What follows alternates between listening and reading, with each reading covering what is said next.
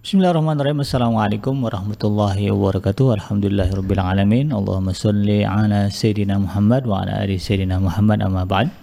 Alhamdulillah kembali berjumpa di udara di gelombang 104 AM iDream Radio Successful Muslim Family dalam program rutin kita yaitu program mengaji from home di mana seperti biasa insya Allah di kesempatan ini kita akan mendengarkan kajian dan kali ini kita akan mendengarkan uh, tausiah ujangan ya nasihat dari guru kita Ustaz Abdullah Haidar Lasi dan insya Allah di kesempatan ini beliau akan mengangkat tema tentang wasatiyah ya, atau moderat ya di dalam Islam.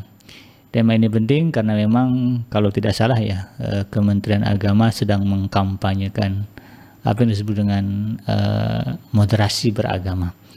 Tapi tentu kita harus paham ya karena uh, dikhawatirkan lah begitu ya ada pihak-pihak yang berusaha mem, apa namanya memesongkan memelencengkan ya, pemahaman yang benar tentang konsep wasatiyah atau moderat di dalam Islam. Untuk lebih jelas nanti kita akan dengarkan uraian ini dari guru kita Ustaz Abdul Haidir LC. Mudah-mudahan kita diberikan kekuatan hingga uh, agar bisa ya mendengarkan kajian ini hingga tuntas. Dan untuk itu bagi Anda sahabat iDream Radio yang mungkin nanti ingin bertanya atau ingin berdiskusi dengan Ustadz Uh, silakan sampaikan pertanyaan Anda di kolom komentar di channel YouTube ya, di channel iDream TV atau bagi Anda yang menyimak kita di gelombang 104 PTM silakan bertanya. Dan bisa menyampaikan pertanyaan di nomor WhatsApp di 0822 9 1044 Insya Allah segala pertanyaan yang masuk kita akan sampaikan kepada guru kita sebatas waktu yang diberikan nanti. Dan sebagai informasi bagi Anda bahwa program ini terselenggara berkat kerjasama antara iDream Radio dengan Kazwa, platform pembiayaan secara online, dan juga Patra, Biro uh, Haji dan Umrah yang telah berdiri sejak tahun 1995. Insya Allah nih umrah sudah dibuka ya bagi Anda sahabat iDream Radio yang ingin melaksanakan ibadah umrah bisa menghubungi Patra dan tidak berlama-lama kita akan langsung menuju kepada guru kita Ustaz Abdul Hadir yang akan membahas tema pada hari ini yaitu tentang wasatiyah atau moderat di dalam Islam. Kepada beliau saya persilakan. Baik. Assalamualaikum warahmatullahi wabarakatuh. Bismillahirrahmanirrahim. Alhamdulillahirabbil alamin wassalatu wassalamu ala sayyidina Muhammadin wa ala alihi wa ashabihi wa man tabi'ahum bi ihsanin ila yaumiddin amma ba'd. اللهم علمنا ما ينفعنا wanfa'na بما علمتنا Allahumma zidna علما نافعا وعملا متقبلا. Sahabat Adrim gimana saja berada, semoga kita selalu dalam uh, petunjuk Allah, dalam perlindungan Allah dan dalam keberkahan Allah Subhanahu wa taala. Selamat berjumpa kembali dalam program kita Ngaji From Home. Ya, mudah-mudahan kita selalu diberikan pemahaman dan eh, pengertian ya, yang utuh ya terhadap ajaran Allah Subhanahu wa taala. Kali ini kita akan berbicara tentang satu tema yang uh, juga uh, cukup ya sering diangkat pada masa-masa sekarang ini yaitu uh, tema yang dikenal dengan istilah al-wasatiyah fil Islam ya yang sering diartikan dengan sikap moderat ya atau pandangan moderat dalam dalam Islam begitu ya. Nah, ini juga uh, satu tema yang uh, tentu saja memiliki akar pemahaman dari nilai dan ajaran Islam itu sendiri ya bahkan langsung uh, digali dari uh, pemahaman terhadap ayat-ayat Al-Qur'an. Ya karena itu uh, sangat penting tema ini uh, kita pahami ya berdasarkan uh, pemahaman para ulama salafus soleh ya terkait dengan uh, makna al-wasatiyah ya atau juga al-wasat dalam uh, dalam Islam. Ya karena memang uh, bisa jadi satu istilah satu makna itu ya meskipun ya istilahnya sama ya uh, redaksinya sama bisa jadi masing-masing uh, memiliki pemahaman-pemahaman yang berbeda sesuai dengan uh, sudut pandangnya ya, sesuai dengan uh, latar belakangnya ya sesuai dengan juga Eh, pilihan-pilihan uh, pemikirannya ya karena itu juga uh, penting kita memahami satu perkara uh, tentu saja merujuk kepada pandangan dan uh, pendapat para ulama. Baik, sahabat tadi yang dimuliakan Allah Subhanahu wa taala, istilah wasatiyah ini memang uh, umumnya merujuk kepada firman Allah Subhanahu wa taala dalam surat Al-Baqarah 183 Allah Subhanahu wa taala berfirman wa kadzalika ja'alnakum ummatan wasata litakunu syuhada'a 'alan nasi wa yakunar rasulu 'alaikum syahida.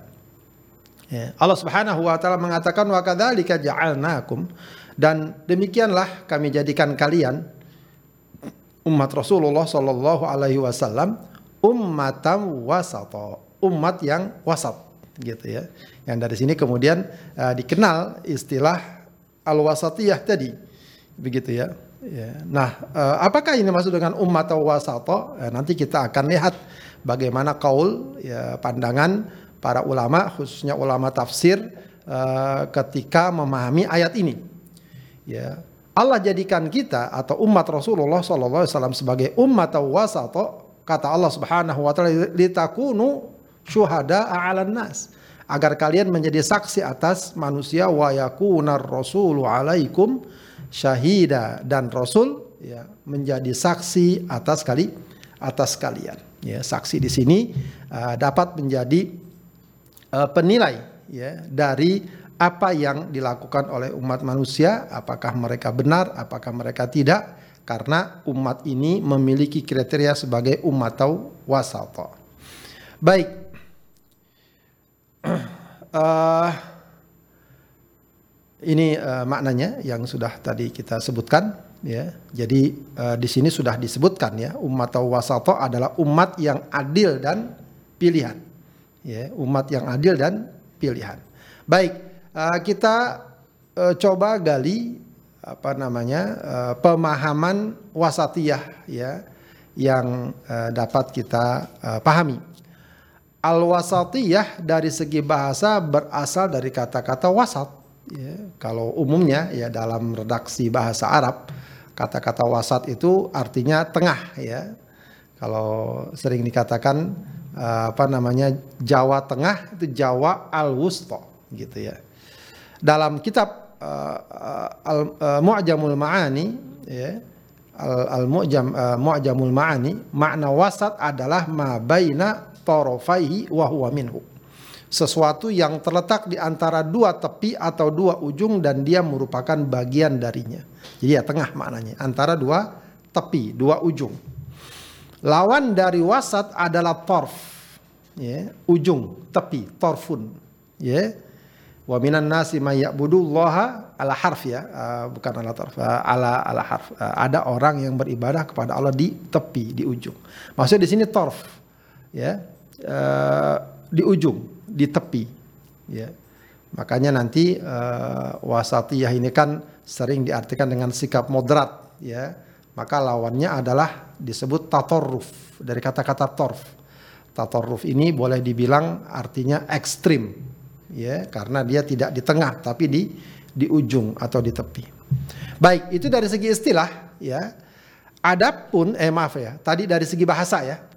Adapun dari segi istilah, ya, makna al-wasat itu ada tiga.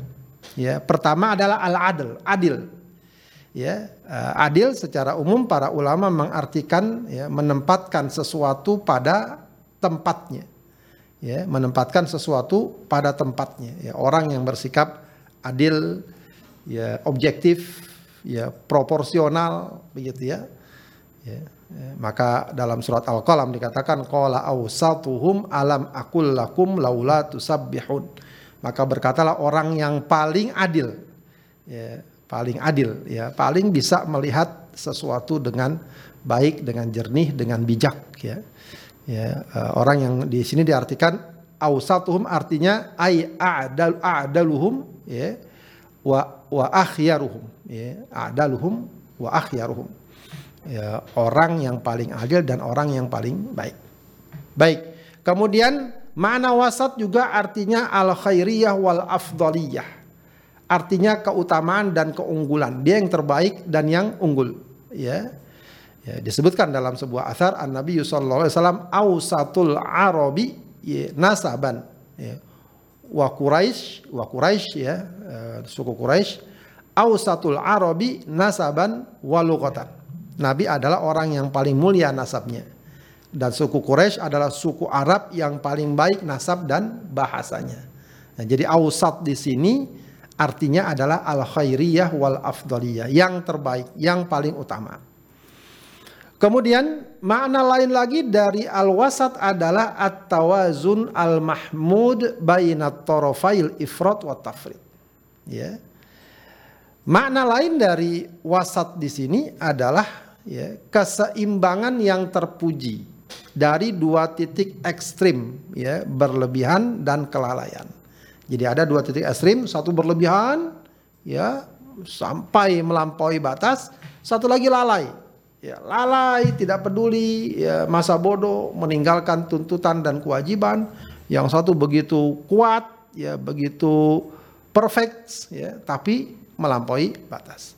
Nah, uh, sikap wasat adalah sikap yang berimbang. Ya, memang tidak harus berarti persis di tengah, tapi dia berimbang. Ya, uh, ya dia uh, komitmen kuat, ya, tapi tidak sampai berlebihan ya dia juga kuat namun juga tidak sampai uh, apa lalai ya dia lentur dia uh, luas ya dia lapang namun tidaklah tidak lalai baik uh, dalam beberapa kitab tafsir ya pengertian atau penafsiran dari kata-kata ummat atau wasato ya disebutkan oleh uh, beberapa mufassir dari kitab-kitab tafsir yang cukup dikenal dan menjadi referensi yang diakui dalam kajian atau hasanah Islam. Di antaranya dalam kitab tafsir Fathul Qadir ya yang disusun oleh Al-Imam Asy-Syaukani. Dia mengatakan wal wasatu al wasat adalah al khiyaru awil adl. Ya, uh, yang terbaik dan adil ya. Wal ayah muhtamalatun ya muhtamilatun lil amraini ya.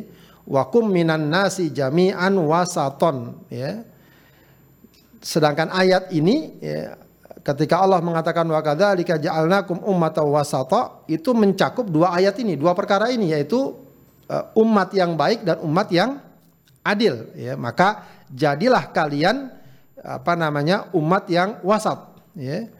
Walamma kanatil wasatu mujaniban lil ghuluwi wat taksir kana mahmudan. Apabila sikap wasatiyah ini, sikap wasat ini adalah sikap yang meninggalkan sikap berlebihan dan sikap lalai maka dia terpuji.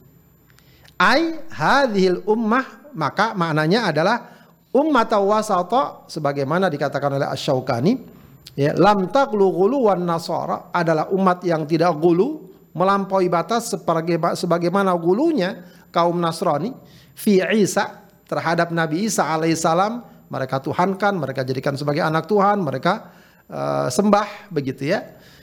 Wala qassaru taksiral yahudi fi anbiya'ihim dan tapi juga mereka tidak lalai ya, tidak bersikap kebalikannya sebagaimana sikap orang Yahudi terhadap para nabi. Jadi kalau orang Nasrani terhadap nabinya uh, memuja melampaui batas, orang Yahudi terhadap nabinya itu yang melecehkan, menentang, selalu menyelisihi, melawan begitu ya. Kebalikannya wa yuqal fulanun awsatu qaumihi wa wasitatuhum ay khiyaruhum. Ya, maka kalau dikatakan fulan adalah awsatu qaumi ya, orang yang paling wasat di tengah kaumnya maksudnya adalah khiyaruhum. Dia adalah orang yang terbaik. Kemudian dalam tafsir Ibnu Katsir dikatakan wal wasatu huna adapun al wasat di sini artinya al khiyaru wal ajwad yang terbaik. Ya, kama yukol Quraisyun awsatul Arabi nasaban wadaron. Sebagaimana dikatakan bahwa suku Quraisy adalah bangsa Arab yang paling ausat, yang paling wasat. Ya. Maksudnya paling baik ya, baik dari segi nasab maupun dari segi uh, negerinya ya. Ai khairuha ya. Artinya uh, suku yang paling baik.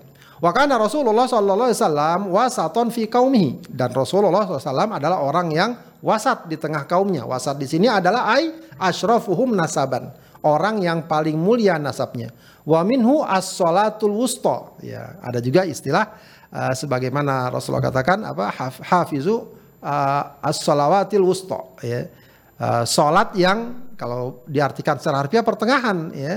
ya uh, akan tapi apa namanya yang dimaksud di sini adalah afdolus salawat yaitu solat yang paling mulia, yang paling agung, wahya al-asr, solat al -as, solat asar.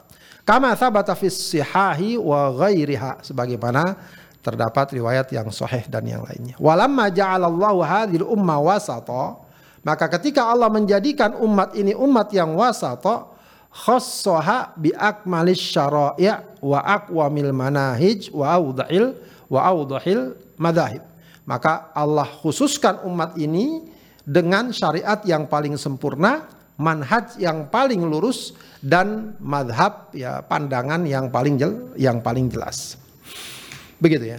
Uh, adapun uh, dalam tafsir Al-Jalalain yang uh, cukup dikenal di tengah masyarakat tafsir ini yang ringkas sebenarnya tapi uh, memberikan kita arahan dan makna-makna yang jelas dari kandungan ayat Al-Qur'an ya uh, yang disuruh oleh uh, Al-Imam Jalaluddin Asyuti dan Al-Jalaluddin Al-Mahalli.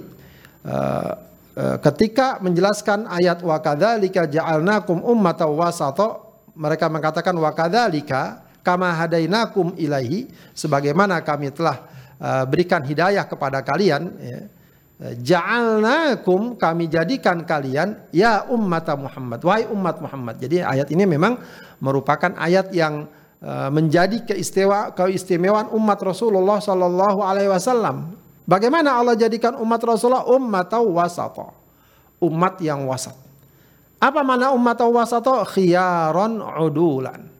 Ya, umat yang terbaik yang udul. Ya, udul ya, apa nama jama dari adil ya, yang menunjukkan kebaikan, yang menunjukkan keutamaan, yang menunjukkan uh, sikap yang berimbang ya antara tadi antara ifrat wa tafrid, antara sikap berlebihan dan sikap lah sikap lalai. Kemudian dalam tafsir At-Tabari eh, eh, Ibnu Jarir At-Tabari dalam kitab ini dalam kitabnya menyatakan wa ana ara ya, aku melihat aku memandang annal wasata fi hadzal maudhi' al wasat dalam bab ini huwal wasatul ladzi bima'nal juz'il ladzi huwa bainat tarafaini. Jadi At-Tabari melihat yang dimaksud wasat dalam ayat ini adalah bagian di antara dua tepi dua ujung tadi. Tadi kan uh, wasat uh, pertengahan di antara dua dua tepi. Wa ara anna Allah taala dzakarahu innama wasafahum bi annahum wasatun litawassutihim fid din. Ya. Dan aku berpandangan bahwa Allah menyebut mereka umat Rasulullah ya dan mensifati mereka sebagai umat yang wasat karena apa? litawassutihim fid din karena sikap pertengahan mereka dalam beragama. Falahum ahlu ghuluwin fi, mereka bukan orang yang gulu, melampaui batas kagulu uh, guluan nasoro seperti uh, melampaui batasnya orang Nasrani alladzina walau bitarahub wakiluhum fi Isa ya maqalu fihi ya. Dan sebagaimana melampaui batasnya mereka dalam kependetaan ya sehingga ada yang diharamkan apa yang Allah halalkan atau menghalalkan apa yang Allah haramkan dan ucapan mereka terkait dengan Nabi Allah Isa alaihissalam. Walahum ahlu taksirin fihi taksirul Yahudi ya alladzina baddalu kitaballahi wa qatalu anbiya'ahum ya. Juga bukan mereka yang lalai seperti lalainya orang Yahudi yang mengganti kitabullah ya merubah kitabullah lalu membunuh para nabinya wa kadzabu ala rabbihim wa kafaru bihi ya lalu berdusta atas nama Tuhan mereka dan kufur kepadanya. Walakinnahum ahlu tawassutin wa'tidalin fi. Tapi mereka adalah uh, kelompok atau umat Rasul adalah golongan yang pertengahan ya dan adil. Fawasofahumullahu bidzalik. Maka Allah berikan sifat mereka seperti itu. Idh kana ahabbul umuri ilallahi awsatoha. Karena perkara yang paling Allah cintai adalah yang pertengahannya. Wa amma ta'wil fa innahu ja'a bi annal wasat al adal. Ya, adapun tafsir ada juga yang mengartikan bahwa al wasat itu artinya al adal wa dzalika makna al khiyar. Dan itu adalah makna uh, apa namanya? Uh, keutamaan, kebaikan. Li'annal khiyar minan nasi uduluhum. Ya, karena orang yang terbaik di tengah manusia adalah orang yang adil. Uh, seorang uh, intelektual muslim yang cukup dikenal ya dari negeri Mesir atau dari Timur Tengah, uh, Dr. Mahmud Imara mengatakan tentang wasat ini adalah ya tajma'u baina anasiril haqqi wal adli minal aqtabil mutaqabilah. Wasatiyah uh, yang itu adalah ya yang mengumpulkan antara kebenaran dan keadilan di antara dua sisi yang berlawanan ya di antara dua sisi yang berlawanan jadi ada di sini uh, simulasinya. Pertengahannya ada sikap mu'tadil. Mu'tadil ada sikap yang tadi moderat mu'tadil wasat. Ya kiri kanannya tafrid ya. Ya tafrid itu tadi uh, sikap uh, apa namanya uh, lalai ya ifrat sikap melampaui batas ya. Sikap melampaui uh, melampaui batas.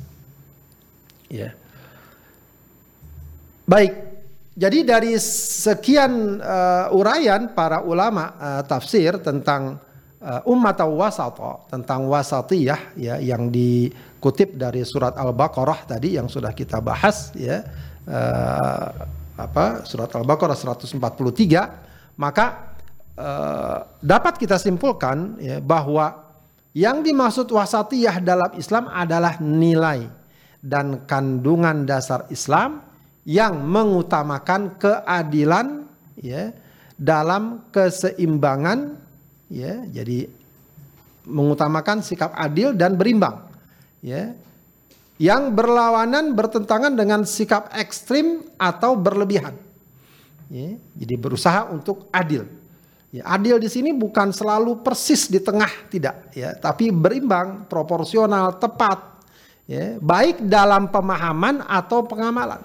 Ya, tentu saja semuanya berdasarkan panduan Al-Quran, Sunnah serta pemahaman salafus salafus soleh, begitu ya. Maka selalu saja akan kita dapatkan dalam berbagai hal, ya, dalam berbagai hal ajaran Islam, baik masalah akidah, masalah syariat, masalah akhlak, gitu ya, itu bisa saja seseorang terseret dari dengan apa namanya terseret dalam pemahaman dan pengamalan yang ekstrim. Baik ekstrim dalam arti uh, apa namanya uh, uh, disiplin ya, mengamalkan ya, kemudian sampai melampaui batas atau ekstrim dalam arti lalai ya, uh, masa bodoh begitu ya, kemudian abai terhadap ketentuan dan ajaran yang seharusnya dia lakukan. Nanti bisa kita lihat uh, sejumlah kasusnya. Baik, ada beberapa catatan ya tentang wasatiyah ini. Ya. Pertama bahwa al wasatiyah itu manhajun walaisat man madhaban. Ya. Jadi wasatiyah ini manhaj. Manhaj ini artinya apa? Dia merupakan ya uh, ciri dasar dari ajaran Allah Subhanahu wa taala. Jadi dia bukan madhab, ya. dia bukan sebuah aliran dalam ajaran Islam. Ya, artinya oh ini aliran kita, kita mengambil aliran wasatiyah ini bukan tidak. Ya, sebenarnya wasatiyah ini sebuah istilah yang menyatu secara langsung dengan nilai dan ajaran Islam. Sehingga umat Islam dengan sendirinya harusnya sebagaimana Allah katakan wa kadzalika ja'alnakum ummatan wasata adalah umat yang secara langsung ya sesuai dengan ajaran yang dia yakini dan dia amalkan itu memiliki eh, sikap pengamalan keyakinan yang eh, wasat tadi ya, yang moderat ya tentu saja dengan sesuai dengan ajaran Islam ya dengan ajaran Islam ya maka eh, ini bukan sesuatu yang eh, bisa dilekatkan bahwa oh ini madhabnya oh, moderat, ini madhabnya bukan moderat, tidak. Ya, ini bukan seperti mazhab fikih, mazhab syafi'i, mazhab hambali tidak. Ya, karena uh, ini merupakan inti dan karakter dasar dalam ajaran Islam, sebagaimana semestinya ini merupakan inti dan karakter dasar seorang mus muslim ya, seorang muslim manhajnya adalah al-wasatiyah tadi. Ya, ya, sikap yang benar, sikap yang berimbang, sikap yang baik ya, dalam pengamalan dan pemahaman serta keyakinan terhadap ajaran Allah Subhanahu wa taala. Begitu ya. Kemudian ada lagi perkara lain yang juga patut kita pertegas ya. Al wasatiyah laisat ta'ni la mauqif ya. Wasatiyah sikap wasatiyah sikap moderat yang sekarang banyak dibicarakan eh, itu bukan berarti maknanya tidak punya sikap Nah, ini kadang-kadang e, bisa jadi tergeser atau apa namanya terseret dengan makna oh kita moderat. Akhirnya apa nggak punya sikap. Ya nggak punya sikap. Uh, orang ke sana eh, dia ikut ke sana. Orang ke sini dia ikut ke sini. Orang bilang ini dia ikut ini. Orang bilang itu oh, karena dia ingin menampilkan dirinya moderat. Ya apa istilahnya? Uh, tidak ke mana-mana tapi ada di mana-mana begitu ya. Ya ini tentu tidak uh, tidak sesuai dengan nilai dan ajaran Islam. Apalagi kalau dilekatkan dengan sebuah ideologi keyakinan akidah Ya, jangankan Islam, selain ajaran Islam pun pasti mereka punya ideologi, punya keyakinan. Artinya punya sikap, punya mokif. Ini keyakinan kita, ini ideologi kita, ini amalan dan ajaran kita. Itu mokif namanya. Ya, jadi jangan sampai wasatiyah nanti digiring pada pemahaman oh kita bebas atau mungkin sekarang dengan istilah liberal, bebas sana, bebas sini, begitu ya.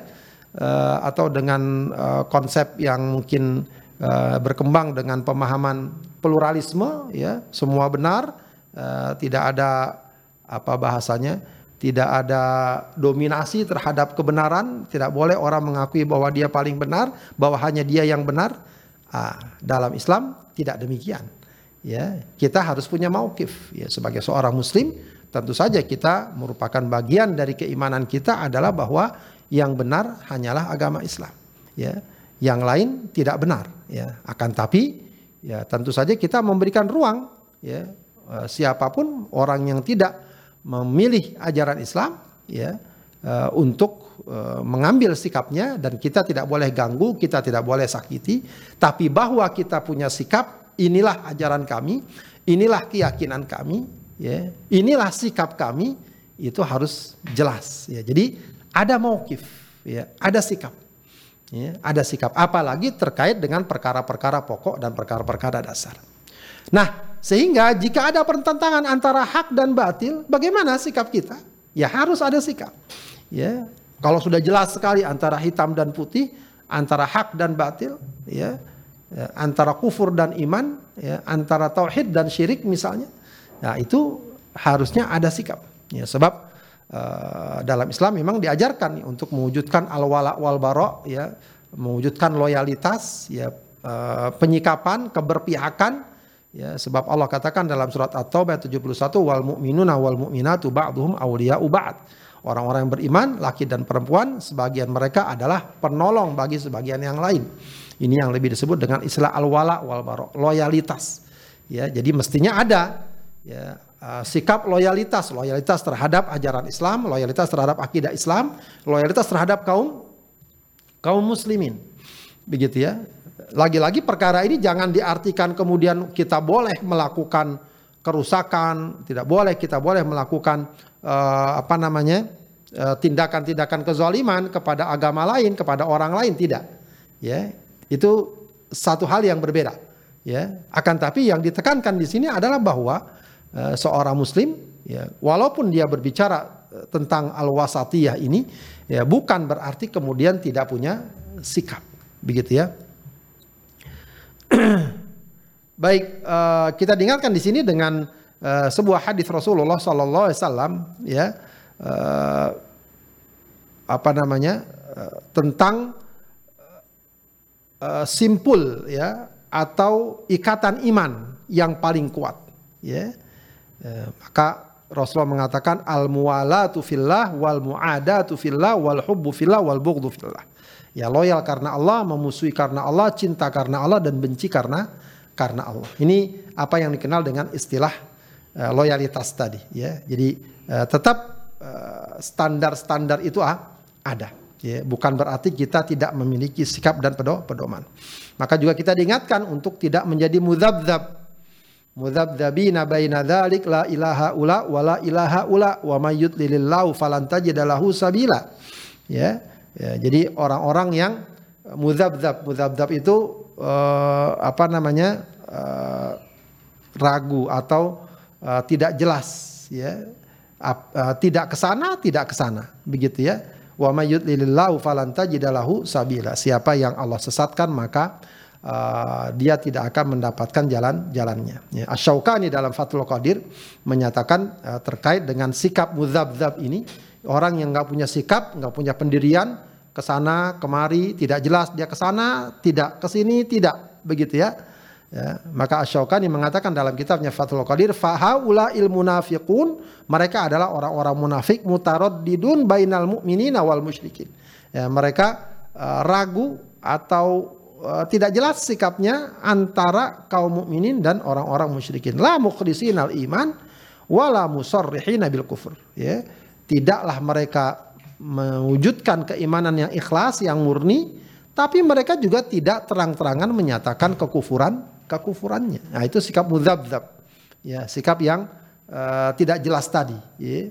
Yang apa istilahnya kalau bahasa kita sekarang itu uh, apa bolak-balik mondar-mandir begitu ya, tidak ajak ya, tidak memiliki sikap dan keyakinan yang kuat. Nah, Sahabat hadirin yang dimuliakan Allah Subhanahu wa taala, dalam konteks kekinian sekarang ini uh, memang istilah wasatiyah menjadi isu yang hangat. Ya, isu yang uh, sering diangkat ya seiring dengan banyaknya fenomena hulu ya melampaui batas dalam beragama. Memang ada, tidak kita pungkiri ada sikap-sikap hulu seperti itu. Ya, bukan lagi dalam bentuk ya misalnya orang Nasrani yang menuhankan nabinya dan lain sebagainya. Ya, fenomena hulu yang sekarang memang banyak terjadi adalah sikap yang kemudian menyebabkan lahirnya tindakan-tindakan kekerasan, ya, eh, tindakan-tindakan yang melampaui batas, membunuh orang, ya dimulai dari sikap mengkafirkan sesama muslim, lalu melakukan pembunuhan atau bahkan pemboman atau apa yang sekarang uh, dikenal dengan istilah terorisme. Ya, sering itu memang terja terjadi. Maka kemudian para ulama mengangkat lagi isu wasatiyah ini, ya bahwa uh, walaupun kita semangat beragama, kita uh, meyakini agama kita yang paling benar, namun itu bukan menjadi legalitas ya, bukan menjadi pembenaran terhadap sikap-sikap kekerasan yang menimbulkan keonaran yang dapat menumpahkan darah atau menyebabkan kekacauan di tengah masyarakat di tengah masyarakat. Maka kemudian muncul ini ya tema tentang Islam atau wasatiyah dalam dalam Islam. Begitu ya, wasatiyah dalam Islam. Ya, tentu saja eh, apa yang kita harapkan adalah sebagaimana yang tadi telah kita jelaskan tentang makna wasatiyah itu. Ya. Ya, karena semangat beragama sering menggiring seorang pada sikap dan tindakan wulu ini. Ya, wulu adalah sekali lagi tindakan melampaui bah, melampaui batas. Jadi eh, sebagaimana kita katakan, ya contoh sederhana, ya kita bukan hanya ya, diingatkan untuk jangan sampai meninggalkan sholat.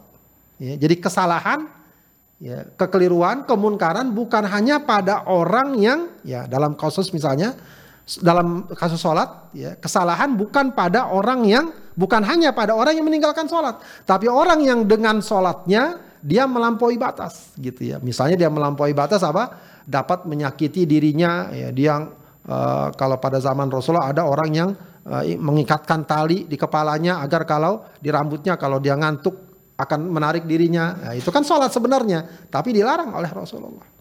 Begitu ya. Atau juga uh, dalam ibadah puasa, Ya, orang yang memaksakan berpuasa padahal dia safar sehingga dia pingsan. Nah, itu sikap tindakan-tindakan yang melampaui, Pak. Itu contoh yang sederhana, ya. Ya, contoh yang seder, uh, sederhana. Jadi bukan hanya pada orang yang nggak mau beribadah, tapi orang yang beribadah namun melampaui batas sampai pada tingkat tadi, ya, uh, misalnya menuhankan seseorang atau siapa begitu selain Allah Subhanahu wa taala. Uh, atau misalnya juga uh, orang yang membela agama Allah. Jadi bukan yang di yang diingatkan bukan hanya orang yang nggak mau membela agama Allah, tapi orang yang mau membela agama Allah, namun ya, dengan cara melampaui batas, ya, melakukan tindakan-tindakan kezaliman, merusak, menyakiti, menumpahkan darah itu yang memang uh, diingatkan. Ya. Nah, uh, tema wasatiyah fil Islam ya atau al wasatiyah dalam Islam, moderat dalam Islam itu menjadi tema yang tepat untuk menghadapi sikap ini. Baik. Uh, perkara lain yang juga patut kita pahami adalah bahwa al wasatiyah laisat makna hulin warif kida iman. Ya, warif kuda iman. Walakin nalin fi maudhihi wa syiddah fi maudhihi. Jadi wasatiyah tidak selalu berarti lembut dan halus terus. Ya. Jadi memang sering diartikan wasatiyah ini sikap lembut, sikap uh, apa namanya halus, ya, uh, sikap baik lah ya. Ya, tapi tidak harus begitu, sebab ada saatnya ya sikap tegas ya, juga harus ditampilkan. Walakin tapi yang dimaksud wasatiyah di sini alin fi maudhi'ihi Ya lembut pada tempatnya wasyiddah fi maudhi'ihi tapi keras pada tempatnya. Ya, jadi jangan sampai kemudian diartikan bahwa uh, yang penting kita lembut ya walaupun mungkin nanti ada yang mengganggu, ada yang menyakiti, ada yang memerangi, ya tentu nggak bisa ya. Dalam kondisi tersebut seseorang menampilkan sikap lembut, ya ada tempatnya, ya, ada uh, waktunya, ada saat, ada saatnya. Nah kemampuan yang baik dari kita ya, untuk menerapkan wasatiyah itu uh, insya Allah akan mengantarkan kita pada penyikapan yang tepat. Kapan kita lembut, kapan kita bersikap tegas. Baik, uh, berikut kita akan jelaskan beberapa sikap wasatiyah. Ya, ini baru implementasinya ya, agar kita lebih jelas ya dari sikap wasatiyah ini.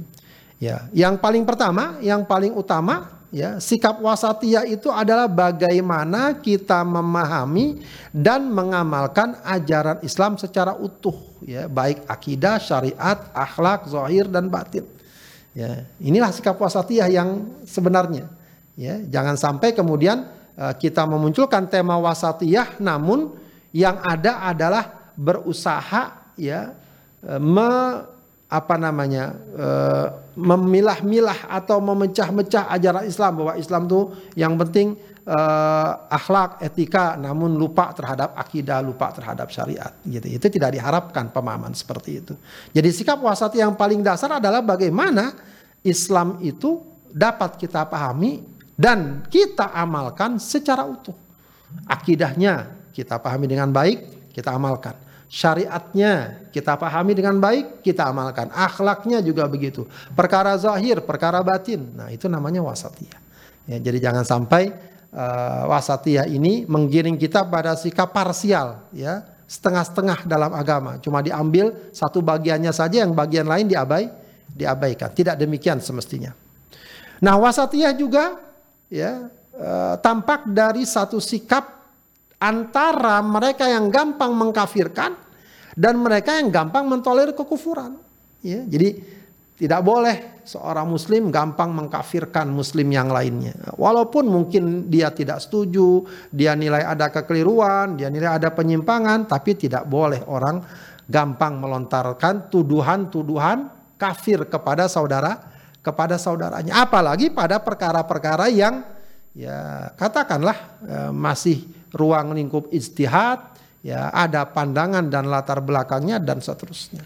Maka tidak boleh kita mudah mengkafirkan saudara kita ya, sesama mus sesama muslim bahkan ada riwayat bahwa orang yang mengkafirkan saudaranya padahal tidak se, se, se, se, seperti itu kenyataannya maka tuduhan itu akan berbalik kepada dirinya. Nah ini resikonya besar ya. Jadi jangan mudah mengkafirkan. Tapi juga di sisi lain tidak gampang mentolerir kekufuran.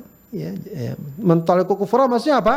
Menerima kekufuran sebagai sebuah kebenaran, sebagai sebuah perkara yang lumrah ya di tengah kaum muslimin atau pada diri seorang muslim. Ya, juga tidak boleh ya kita gampang mentolerir kekufuran.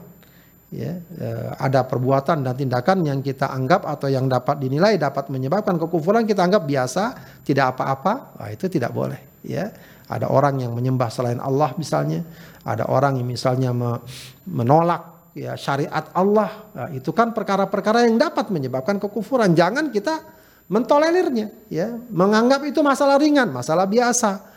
Ya, lalu kita carikan pembenaran-pembenarannya ya kebebasan berpendapat itu hanya pandangan dan lain sebagainya. Ya, ada wilayah-wilayah memang istihad ada. Tapi kalau perkara-perkara dasar perkara-perkara prinsip nggak bisa orang sembarangan mengatakan misalnya saya nggak percaya akhirat ya saya nggak percaya hari kiamat saya nggak percaya tentang syariat ya dan seterusnya nah, itu jangan kita toleh tolerir jadi uh, antara dua ini ya, tidak gampang memfonis kufur kepada mereka walaupun berbeda pendapat tapi juga tidak gampang mentolerir ya kekufuran wah ini nggak benar ya ini tidak ben tidak benar ini jelas menyimpang dari prinsip da dasar misalnya Kemudian wasatiyah juga antara mereka yang rajin beramal tanpa ilmu dan mereka yang berilmu tapi malas beramal. Jadi ada di tengah masyarakat rajin beramal, ya, tapi ilmunya minim, ya nggak mau belajar, nggak mau mengetahui ini gimana amalnya benar atau tidak dan seterusnya. Yang penting beramal saja. Tapi ada orang yang semangat berilmu ya. Dia sampai mendapatkan jenjang-jenjang ya. Katakanlah akademis yang tinggi tapi malas beramal ya. Kadang-kadang justru ilmu jadi alasan pembenaran untuk tidak beramal. Nah seorang muslim yang wasat adalah orang yang ya selalu berusaha untuk meraih ilmu dan semangat beramal ya. Semangat ber semangat beramal ya. Tidak ada contoh terbaik hal ini selain Rasulullah SAW dan para dan para sahabat ya. Bagaimana mereka selalu belajar? Kadang mereka sering bertanya kepada Rasulullah sallallahu alaihi wasallam ini bagaimana ya Rasul? Ini benar atau tidak? Ya sering kali dalam riwayat kita dapatkan bagaimana mereka sebelum mengambil satu tindakan atau kalau sudah terlanjur melakukan satu tindakan mereka sampaikan kepada Rasulullah sallallahu alaihi wasallam. Kadang Rasulullah benarkan kadang Rasulullah koreksi dan semacamnya. Jadi semangat menuntut ilmu tapi ilmu bukan sekedar untuk ilmu. Ya. Ilmu itu baru tampak ketika dia berbuah menjadi pengama, pengamalan. Kemudian wasatiyah antara mereka yang menerapkan syariat tanpa akhlak dan mereka yang utamakan akhlak namun anti syariat. Ini juga tidak jarang kita dapatkan dua kasus yang sering kali kontradiktif. Ya. Mereka semangat dengan syariatnya, ya tapi akhlaknya eh, kurang baik, kurang gaul kalau bahasa sekarang ya, kurang akrab ya sama saudara, eh, sama lingkungan, sama masyarakat, eh, seakan-akan ingin menyendiri, eh, buang muka, bermuka masam, segala macam lah ya, yang menjadi gambaran akhlak yang tidak uh, tidak terpuji begitu ya, belum lagi dengan kata-katanya dan muamalahnya. Ya. Atau juga orang yang memang sedemikian rupa berusaha mewujudkan nilai ya, dan akhlak di tengah masyarakat. Ya, dia akrab, dia baik, dia suka menolong dan seterusnya, pribadinya menyenangkan, tapi dia menolak syariat. Ya, ini juga dalam Islam eh, satu hal yang semestinya tidak boleh terjadi, tidak boleh terjadi. Ya, kita berusaha untuk komitmen terhadap syariat, apa yang Allah perintahkan kita ikuti, yang Allah haramkan kita tinggalkan, walaupun perkara itu di tengah masyarakat sudah umum terjadi, tetap kita tinggalkan. Kenapa? Allah haramkan. Tapi ya kita tetap berusaha untuk berbaik-baik dengan sesama manusia di tengah masyarakat apalagi dengan orang terdekat kerabat tetangga teman dekat dan semacamnya. Maka tampilkan uh, sebagai pribadi yang memiliki akhlak mulia akhlak mulia suka menolong membantu meringankan dan semacamnya. Kemudian Wasatiyah di antara mereka melampaui batas memuja para nabi dan orang soleh dan mereka menyakiti dan memusuhi nabi dan orang soleh. Ini juga sering terjadi. Ya, uh, mereka betul memuliakan orang soleh diajarkan, memuliakan para nabi, mengagungkan orang soleh, mengagungkan para nabi diperintahkan. Ya, tapi kalau sudah sampai pada level tertentu yang ya, uh, di sana dibatasi, ya kalau sudah sampai pada level menuhankannya, ya memberikan kedudukan seperti kedudukan Tuhan, kedudukan Allah bahwa dia bisa menentukan segalanya, dia mengetahui perkara gaib, ya dia bisa menolong kita dan seterusnya. Nah, itu sudah level pada tingkat pemujaan. Ya, sebagaimana Rasulullah ingatkan la tuturuni kama atratin nasara ibnu Maryam. Jangan kalian puja aku berlebihan sebagaimana kaum Nasrani memuja ibnu Maryam Isa berlebih berlebihan. Ya, tapi juga di sisi lain, ya jangan menyakiti ya jangan menyakiti, jangan menghina, jangan mencaci maki para nabi, orang soleh, orang-orang soleh. Ya, jangan, ya, para nabi dilecehkan, diceritakan dengan cerita-cerita yang penuh lelucon begitu ya, lalu menghina dan semacamnya atau digambarkan dengan gambaran yang dahulu ada meskipun memang bersumber dari orang-orang non muslim ya. Eh, Rasulullah digambarkan sebagai tokoh terorisme, sorbannya penuh dengan uh, alat peledak segala macam, digambarkan sebagai orang yang uh, apa namanya uh, hiperseks begitu ya karena menikah dengan banyak wanita. Itu sesuatu yang sangat tercela ya. Harusnya seorang muslim jauh dari sifat itu. Begitu juga dengan orang beriman ya orang-orang soleh ya. Jangan sampai kita ikut terseret pada sebuah sikap yang mudah ya menjatuhkan martabat orang soleh apalagi dia orang yang dikenal sebagai seorang ulama, seorang dai atau orang-orang soleh yang baik. Mungkin ada orang tergelincir, mungkin sekali ada orang salah keliru ya, tapi jangan kita diseret pada satu sikap untuk membenci mereka. Ya, membenci mereka, memusuhi, apalagi memusuhi secara umum. Pokoknya saya udah ya sama ulama curiga saja. Wah, kalau kayak gitu bahaya, ya. Saya kalau sama orang-orang soleh curiga, ya, mereka misalnya menggunakan agamanya untuk kepentingan ini itu. Ya, padahal bisa jadi uh, cuma satu dua yang melakukan itu. lalu kemudian timbul kebenciannya kepada orang soleh. Ini tidak boleh terjadi. Ya, jadi lagi-lagi wasatiyah. Kita dituntut untuk menghormati, memuliakan, mengagungkan para nabi, orang-orang soleh, tapi jangan melampaui batas. Ya, eh, kita pun juga diperintahkan untuk jangan menyakiti, melecehkan, menghina apa namanya eh, orang-orang soleh tadi. Kemudian wasatiyah antara mereka yang zalim dan kasta terhadap non muslim dan mereka yang memberikan loyalitas kepada mereka ya. Jadi uh, eh, non muslim ya tidak boleh kita zalimi tidak boleh kita sakiti tidak boleh kita ganggu ya. Tidak boleh hak-haknya kita tahan. Apa yang menjadi hak mereka harusnya kita berikan gitu ya apalagi kita punya kewajiban terhadap mereka apakah kita punya hutang misalnya atau misal mereka bekerja maka kita gaji nah itu haknya harus diberikan ya nggak boleh zalim terhadap mereka tapi juga jangan sampai orang muslim lebih loyal kepada non muslim ketimbang kepada pada muslim. Mereka lebih dekat pada non muslim ketimbang kepada muslim. Ya, kadang-kadang ada sekarang ini orang muslim tapi senang sekali ya menyakiti umat Islam, menyakiti ajaran Islam, ya. Sementara kepada non muslim mereka selalu berbicara tentang toleransi, saling menghormati. Baik, ya. Toleransi benar, kita tidak menolak. Bersikap baik kepada non muslim tidak menolak. Ya, tapi kalau kemudian ya, itu dijadikan sebagai patokan, ya, kemudian mudah menyakiti sesama muslim, ya, kemudian dia mudah uh, mengganggu kaum muslimin, itu sesuatu yang uh, harusnya tidak terjadi pada diri seorang seorang muslim. Ya, bahkan semestinya pemahamannya adalah kalau kita diajarkan untuk toleran kepada non muslim, mestinya kepada sesama muslim lebih toleran, gitu ya. Kalau kita diajarkan untuk sedapat mungkin husnuzon bersikap baik kepada non muslim, ya harusnya kepada muslim lebih dari itu, ya karena hubungan kita kepada sesama muslim lebih dekat, ya lebih dekat, lebih terikat dengan loyalitas keimanan, ya dan itu bukan sesuatu yang salah, ya seseorang ya memperkuat loyalitasnya dengan mereka yang seiring, apalagi ini dalam hal akidah, ya itu bukan sesuatu yang salah. Yang penting dia tidak menyakiti, dia tidak mengganggu orang lain. Ya, jangankan dengan akidah, ada orang yang loyalitasnya karena kesukuan, karena kebangsaan, karena negara, ya itu bukan sesuatu yang keliru. Ya, yang yang berat itu adalah ya justru ketika dengan ya orang di luar dia begitu loyal, ya atau begitu berupaya berbuat baik, tapi dengan sesama orang yang beriman Eh, eh, selalu menimbulkan kericuhan misalnya. Kemudian wasatiyah juga bisa dilihat implementasinya yaitu antara mereka yang abai terhadap urusan dunia atas nama mengejar akhirat dengan mereka yang tenggelam dalam urusan dunia dan tak peduli akhir akhirat juga banyak juga ya wasatiyah oh, dunia dikejar akhirat ditinggal tapi ada juga orang yang akhirat terus dunianya ditinggal ah kita tidak mengabaikan dunia. Akhirat orientasi kita, dunia tidak boleh kita abai, kita abaikan. Saya kira pembahasan ini sudah sering sudah sering banyak kita bicarakan.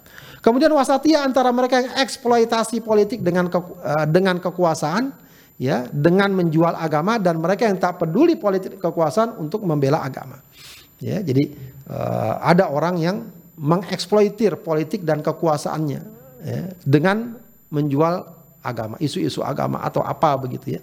Ya cuma untuk kepentingan politiknya ya, ya jadi ya boleh dibilang ya maaf ya agama dijadikan kendaraan politik begitu ya. Kebutuhan sesaat. Ya kalau ibarat yang sering contohkan seperti mendorong mobil mogok ya. Didorong kepentingan politik udah jalan ditinggal agamanya ya. Ya itu keliru sikap seperti itu. Ya politik bukan kita benci ya. Tidak meskipun orang bilang politik kotor tapi tidak bisa tidak. Siapa pun manusia butuh politik ya. Butuh kekuasaan butuh uh, apa namanya kewenangan ya. Justru kalau itu digunakan untuk kemaslahatan agama maka sungguh akan sangat besar sekali manfaatnya. Bukan hanya dalam aspek syariat atau akhirat atau pahala dari Allah. Ya kalau agama dibawa atau uh, apa namanya di dijadikan atau politik dijadikan untuk membela agama untuk uh, menghidupkan nilai-nilai agama ya maka uh, itu akan menjadi peluang kebaikan yang sangat besar baik di dunia maupun di akhirat. Baik, wasatiyah juga adalah antara mereka yang intoleran terhadap khilaf furu, ya perbedaan cabang dan mereka yang toleran terhadap inhiraf usul penyimpangan prinsip. Ya jadi wasatiyah ada orang yang terhadap masalah furu dia intoleran nggak mau berbeda sama sekali. Pokoknya ini kalau nggak ini berarti sesat. Nah itu intoleran dalam masalah furu. Ya tapi ada juga orang kebalikannya. Ya eh, kita nggak mau lah ribut-ribut soal ini tapi juga akhirnya dalam masalah usul ya, penyimpangan prinsip dia toleran. Ya ini keliru juga begitu ya. Maksudnya dia pengennya adalah toleran semua. Ya tidak toleran iya. Ya tapi dalam masalah furu toleran antara kaum muslimin perbedaan-perbedaan fikih yang biasa kita dapatkan di tengah masyarakat praktek-praktek ibadah selagi ada referensi dan uh, kaul para ulama yang mu'tabar maka kita toleran ya tapi pada perkara yang pokok prinsip ya sudah me, me, menyangkut masalah-masalah dasar dan pondasi agama, nah itu tidak boleh kita bersikap toleran dalam arti tidak bisa menerima hal itu ya apalagi misalnya para ulama sudah menyatakan demikian. Kemudian wasatiyah antara mereka yang selalu bersihkan hati tapi amal menyimpang dan mereka yang amalnya benar tapi hatinya kotor. Ya ini juga begitu. Wasatiyah ya ada orang-orang yang dikenal suka tazkiyatun nafs, suka membersihkan hati. Tapi kadang-kadang amaliyahnya menyimpang ya syariatnya amalannya akidahnya tidak benar walaupun dia selalu menggaungkan masalah kebersihan hati ya kita tidak bisa menerima hal ini ya karena ini bisa jadi menjadi syubhat ya yang sering terjadi ya kebersihan hati tapi dengan syariat dan akidah yang menyimpang ya itu tidak menolong ya tidak menolong tidak menolong tapi juga kebalikannya ada orang syariatnya benar akidahnya benar prinsipnya benar tapi hatinya kotor, penuh kedengkian, permusuhan, kesombongan dan lain sebagainya, ini pun tidak kita harapkan. Nah, wasatiyah yang menggabungkan keduanya, berimbang dalam hal keduanya. Hati kita jaga, amaliyah kita, syariat kita, akidah kita kita uh, kita luruskan. Jadi inilah uh, sahabat adim sekalian, uh, sikap-sikap wasatiyah ya dalam uh, kehidupan sebagai seorang muslim yang semestinya Ya, jika ajaran Islam dilaksanakan dengan benar dan utuh, mestinya akan melahirkan pribadi yang moderat, mestinya demikian. Jadi kalau kita lihat di tengah masyarakat ada penyimpangan-penyimpangan, apakah yang lalai atau yang gulu melampaui batas, itu berarti ya, pemahaman dan pengamalan Islamnya belum belum utuh. Ya. Wallahu a'lam bishawab. Mudah-mudahan bermanfaat. Assalamualaikum warahmatullahi wabarakatuh. Waalaikumsalam warahmatullahi wabarakatuh. Kita ucapkan jazakumullah kepada guru kita Al Ustaz Abdullah Hadir Alsi yang sudah membahas tema di kesempatan ini yaitu tentang uh, wasatiyah ya. Wa, wasatiyah uh, di uh, di dalam beragama atau mudrat ya dalam beragama. Mudah-mudahan tadi uh, apa yang dipaparkan oleh Ustaz bisa kita pahami karena memang uh, ini merupakan tuntutan juga ya di dalam agama bahwa Allah Subhanahu wa taala Rasulullah SAW melarang kita terjerumus ke dalam uh, sikap hulu ya atau berlebihan di dalam agama. Maka ini harus menjadi perhatian kita bersama.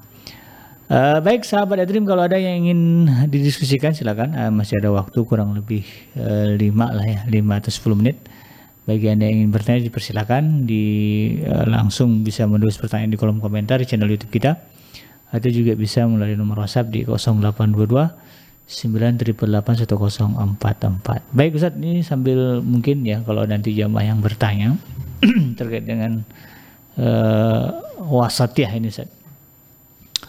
Uh, bahwa fenomena hulu itu ada, uh, kita tidak nafikan dengan Ustaz artinya dari zaman Rasulullah juga ada orang-orang yang terjebak ke dalam uh, apa, sikap berlebihan gitu kan Padahal konsep uh, wasatiyah itu sudah diperkenalkan Rasulullah SAW dan sudah diserukan begitu kan.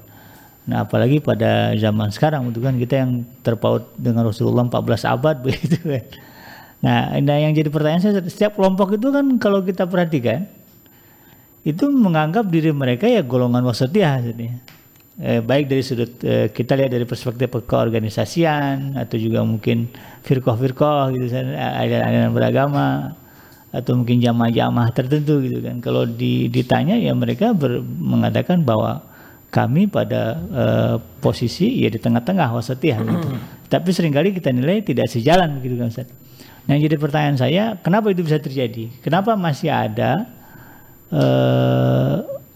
kelompok-kelompok ya atau umat umat Islam yang terjumus ke dalam sikap gulu Ustaz. Padahal uh, Rasulullah SAW sudah menegaskan dan menjelaskan apakah hanya karena mereka tidak tahu saja atau ada dorongan-dorongan mungkin karena salah ikut ngaji gitu. Salah-salah milih pengajian gitu. Akhirnya terjebak ke dalam uh, praktek-praktek yang, yang disifatkan sebagai gulu gitu Ustaz. Ya, uh, ya betul ya bahwa sifat gulu ini bukan hanya lahir pada masa sekarang ya. Hmm. Jadi sejak dahulu sudah ada. Ya, ya contoh-contoh gulu juga uh, bahkan sejak uh, zaman Nabi uh, sebelumnya, sebelum umat sebelum Rasulullah Shallallahu Alaihi Wasallam dalam beberapa hal beberapa Rasulullah temukan ya meskipun bukan gulu dalam arti yang sedemikian rupa, tapi Rasulullah sudah melihat misalnya sikap-sikap yang berlebihan yang harusnya dihindari. Biasanya terjadi pada sahabat ya langsung segera dikorek dikoreksi ya seperti tadi ya uh, misalnya ada yang eh, nggak uh, mau menikah gitu ya ada yang iya. eh, nggak yeah. uh, mau tidur mau mulai itu kan bibit-bibit hulu kalau seandainya dibiar dibiarkan. dibiarkan jadi memang potensi hulu itu akan selalu ada ya potensi hulu akan selalu ada pada diri seseorang seiring dengan semangatnya uh, keinginannya untuk uh, beribadah kepada Allah Subhanahu wa taala makanya uh, diingatkan uh, bahwa walaupun itu dilandasi oleh semangat ibadah dan uh, keyakinan yang benar ya tapi kalau sudah melampaui batas maka tindakan seperti itu uh, tidak dibenarkan ya. Dan inilah sebenarnya nilai dari ajaran Islam ya. Ajaran Islam itu mengajarkan kita untuk bersikap adil. Makanya dikatakan ya adiluhu wa aqrabulit taqwa orang yang bersikap adil lebih dekat kepada kepada takwa. Karena takwa bukan soal bagaimana agar dia tidak sholat tapi juga soal bagaimana kalau dia sholat tetap dengan proporsional, hmm. ya tidak melampaui batas. Bukan bagaimana agar dia tidak beribadah, tapi kalau dia beribadah tetap dalam batas-batas yang masih dibenar, dibenarkan dan diboleh dan dibolehkan. Jadi potensi ini sepanjang zaman akan selalu muncul, akan selalu ada, ya. Maka uh, tentu saja uh, peringatan untuk bersikap wasatiyah itu uh, selalu uh, mendapatkan momen ya selalu uh, tepatlah ya untuk dihidupkan karena potensi itu akan selalu ada baik ada kasusnya atau belum ada kasus atau belum ada kasusnya ya memang uh, permasalahan tidak selalu kemudian hulu ya. ya maksudnya tidak selalu berarti pada perkara-perkara yang sangat ekstrim yeah. ya tapi masalahnya nanti ada perkara-perkara yang di sana ada wilayah atau ada ruang di mana mungkin sekali terjadi perbedaan pandangan. Nah, seperti ini tidak dapat dikatakan hulu sebenarnya, ya. Cuma kadang-kadang sebenarnya menganggap hulu. Ya, misalnya ada orang dalam bab menutup aurat, ada yang berpendapat kalau menutup aurat bagi wanita semua tubuhnya termasuk muka dan hmm. tangannya. Hmm. Begitu ya. Itu bukan hulu karena itu mazhab, itu pendapat. Pendapat. Ya, memang ada yang berpendapat demikian. Ya, ada yang berpendapat demikian. Bahkan uh, dalam uh, kaul ya dalam madhab syafi'i sekalipun ada yang berpendapat demikian meskipun mayoritas misalnya bangsa Indonesia bermadhab syafi'i dan mayoritas umumnya tidak menutup muka tapi ada kaul dari kalangan asyafi yang mengatakan bahwa menutup muka bagi wanita adalah wajib, wajib begitu ya. Jadi uh, itu tidak bisa kita katakan oh dia gulu. Tidak, hmm. itu bukan gulu ya. Itu memang pendapat pendapat, pendapat yang bisa jadi uh, di satu sisi tampak lebih lebih ketat begitu ya, hmm. lebih kuat begitu ya. E, meskipun juga jangan sampai kemudian diartikan yang tidak berpendapat seperti itu kemudian dianggap uh, gulu tidak, juga, uh, gulu juga, ekstrim juga begitu ya. Sepanjang ada referensi. referensi Jadi uh, kalau misalnya tadi ada sekelompok umat Islam yang mengaku merasa paling ini paling itu, hmm. ya bisa jadi itu lahir dari perbedaan pandangannya. Uh, selagi masih dalam ruang lingkup perbedaan pandangan yang uh, mu'tabar yang diakui masalah furu, masalah ijtihad, maka uh, kita memberikan ruang untuk saling memahami, saling memahami, saling mengerti. Toh biasanya kesamaannya jauh lebih banyak. Hmm. Ya, persamaan jauh lebih ba lebih banyak. Maka kita kembali kepada kaidah yang dahulu pernah kita katakan kaidah-kaidah dakwah ya uh, apa namanya? Uh, nata'awan fima ittafaqna. Kita hmm. cukup bekerja sama pada perkara yang kita sepakati. Iya. Kalau ada yang belum kita sepakati ya saling memahami aja, saling toleran aja. Ya, tapi kalau udah gulu ya memang uh, sudah uh, tidak harus ambil sikap. Ya, dan umumnya perkara-perkara yang masuk level gulu itu umumnya secara umum Hmm. ya kaum muslimin menolak biasanya. Iya. Secara umum ya. Kalaupun ada yang nyeleneh-nyeleneh aja. Hmm. Ya coba saja kalau sudah ada ajaran Islam yang mengatakan ada nabi selain Rasulullah. Kira-kira banyakan yang menolak apa banyakan yang menerima? Iya, yang nolak. Banyak yang menolak. Ya, yang menerima ya itu tadi yang sudah terbawa ya, terseret ya. Kalau perkara-perkara sudah melampaui ya, kalau misalnya ada yang mengatakan ya se, se- seberapapun kita menghormati ulama, lalu ada orang mengatakan bagi kami ulama ini eh, sudah layak untuk disembah misalnya. Hmm, iya. Saya yakin serta merta kaum muslimin akan menolak. Nolak. menolak. Karena itu hulu yang secara umum ditolak oleh kaum. Atau ada orang mengatakan eh, eh, menurut kami kaum muslimin yang ada sekarang kebanyakan kafir maka halal darahnya. Pasti akan ditolak Iya. ya. sebab itu pandangan-pandangan yang sudah jauh melampaui bah, Batas. melampaui batas ya melampaui batas. Walaupun dia sudah sampaikan ayatnya dalilnya ya maka dulu ada istilah apa? Aliran takfir. A- a- apa? A- ahlu takfir wal hijrah yang ada di Mesir itu dulu Iya. nah itu nggak dapat tempat ya karena memang walaupun itu lahir dari semangat jihad dan membela agama Iya. tapi tidak memiliki eh, landasan yang kuat dalam agama itu sendi- sendiri maka ditolak secara umum ya wallahu a'lam. Iya. Jadi eh, sebetulnya was wasatiyah ini adalah sesuai dengan fitrah kita Ustaz ya. Iya. Artinya eh, Allah Subhanahu wa taala sudah menjadikan kita berada pada posisi memang ya berada di tengah gitu kan. Nah, mudah-mudahan ini bisa kita pahami bersama. Baik sahabat Adrim yang dirahmati Allah.